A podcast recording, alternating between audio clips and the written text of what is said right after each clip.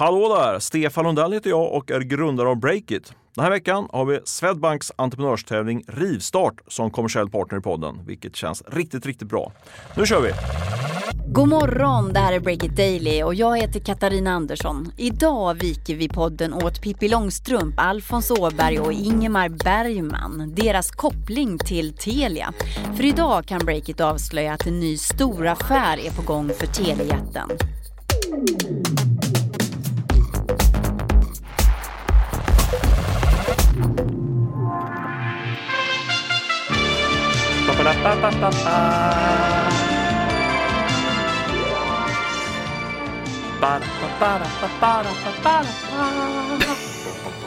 Jättefint.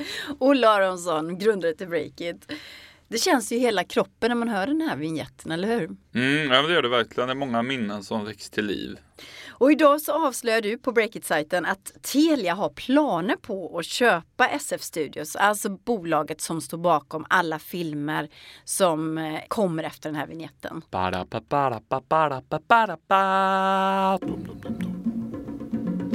kommer Pippi Långstrump, tjolahopp, tjolahej, tjolahoppsan sa. Här kommer Pippi Långstrump, kan väl börja med filmskatten, Olle. Alltså vad är det för filmer det handlar om här som, som man då i så fall får, eh, får rättigheterna till? Ja, det, är, det är en lång rad olika filmer men om man ska namedroppa lite grann så vad det handlar om är ju att SF Studios har producerat eh, ända sedan eh, början på 1900-talet nästan filmer med Ingmar Bergman, Jag har väntat. Jag blev en smula uppehållen. Det är ditt drag. filmer eh, som alla Astrid Lindgren tv-produktionerna med Pippi och Emil och sånt där. Förgrämda unge! Vad ska du med gammal brandsprita till? Så att ehm, det handlar om en lång rad klassiska svenska filmer helt enkelt som de har producerat och har eh, massa rättigheter till. Men så mycket har jag fattat att det här med rättigheter det, det är väldigt viktigt. Och, och varför är då Telia intresserade av att köpa SF Studios? I grund och botten så handlar det om att Telia, de vill skapa ett eh, erbjudande mot konsumenten som inte liksom bara är 399 kronor för bredband i villan utan som har någonting mer unikt. För om man tänker sig när man väljer bredband, det blir ju lätt att man tar bara det som är billigast. Om en har 100 megabit och en annan också har det, då, då vill man ha ett så lågt pris som möjligt. Och det där gör att Telia, de är oroliga för att i framtiden ska det bara bli mer och mer prispress på den där marknaden. Och då vill de hitta någonting mer unikt att stoppa in i sin produkt. Att man kan sälja paket med både innehåll och uppkoppling. Och det är hela grejen ur deras perspektiv på lång sikt. Madicken, Madicken, pilluttade, pilluttade. Jag vet någonting hemligt som bara är Jag tycker det här är ett jättespännande avslöjande Olle. Eh, men bara för att fråga lite så här bakom kulisserna. Hur, hur fick du nys om det här? Eh, nej, jag vill faktiskt inte kommentera liksom, hur min research har gått till eller eh, Nej. vilka eller vem eller vad som källan är. Pilluttade en hemlighet, pilluttade som ingen vet och ingen på jorden får heller veta det. Men, jag tycker det är ganska intressant att vi kan vara först med det här nu.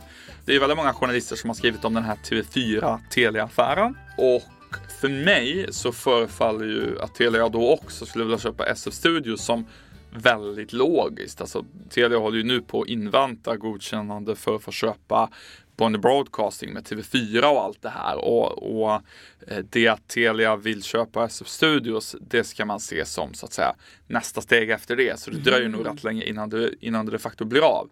Men vad det betyder i någon sorts bredare mening, det är ju att eh, Telia vill bli bäst på lokalt eh, innehåll som man streamar hemma.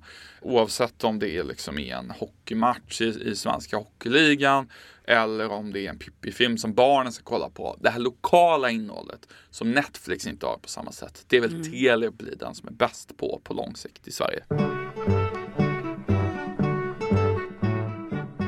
Telia ska alltså bära kulturarvet kan man säga då. Mm, det där är ju lite intressant ändå att det blir Telia som, som får den rollen. SF Studios är ju liksom, de producerar ju nya filmer hela tiden. Och staten äger 37% av Telia och staten sitter och delar ut stöd till vilka filmer som ska få göras i Sverige.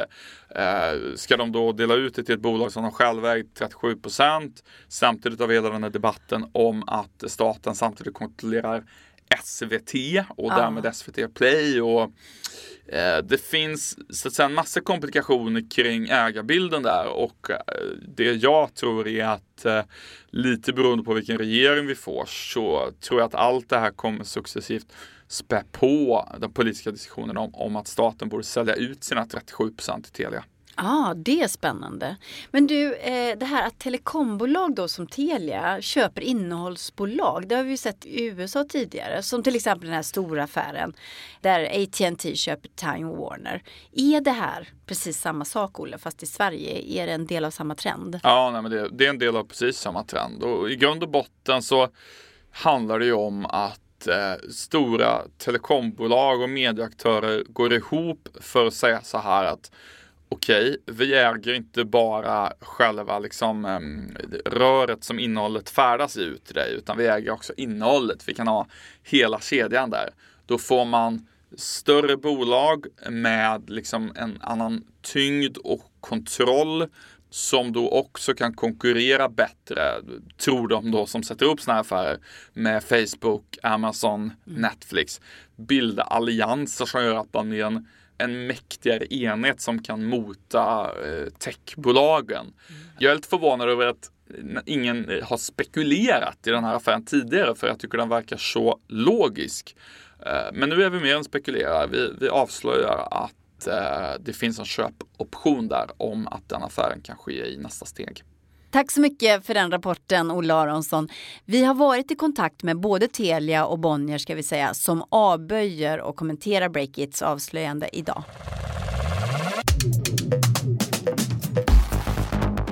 Breakit Daily hör du imorgon igen om du vill. Ansvarig utgivare för den här podden är Olle Aronsson och jag heter Katarina Andersson.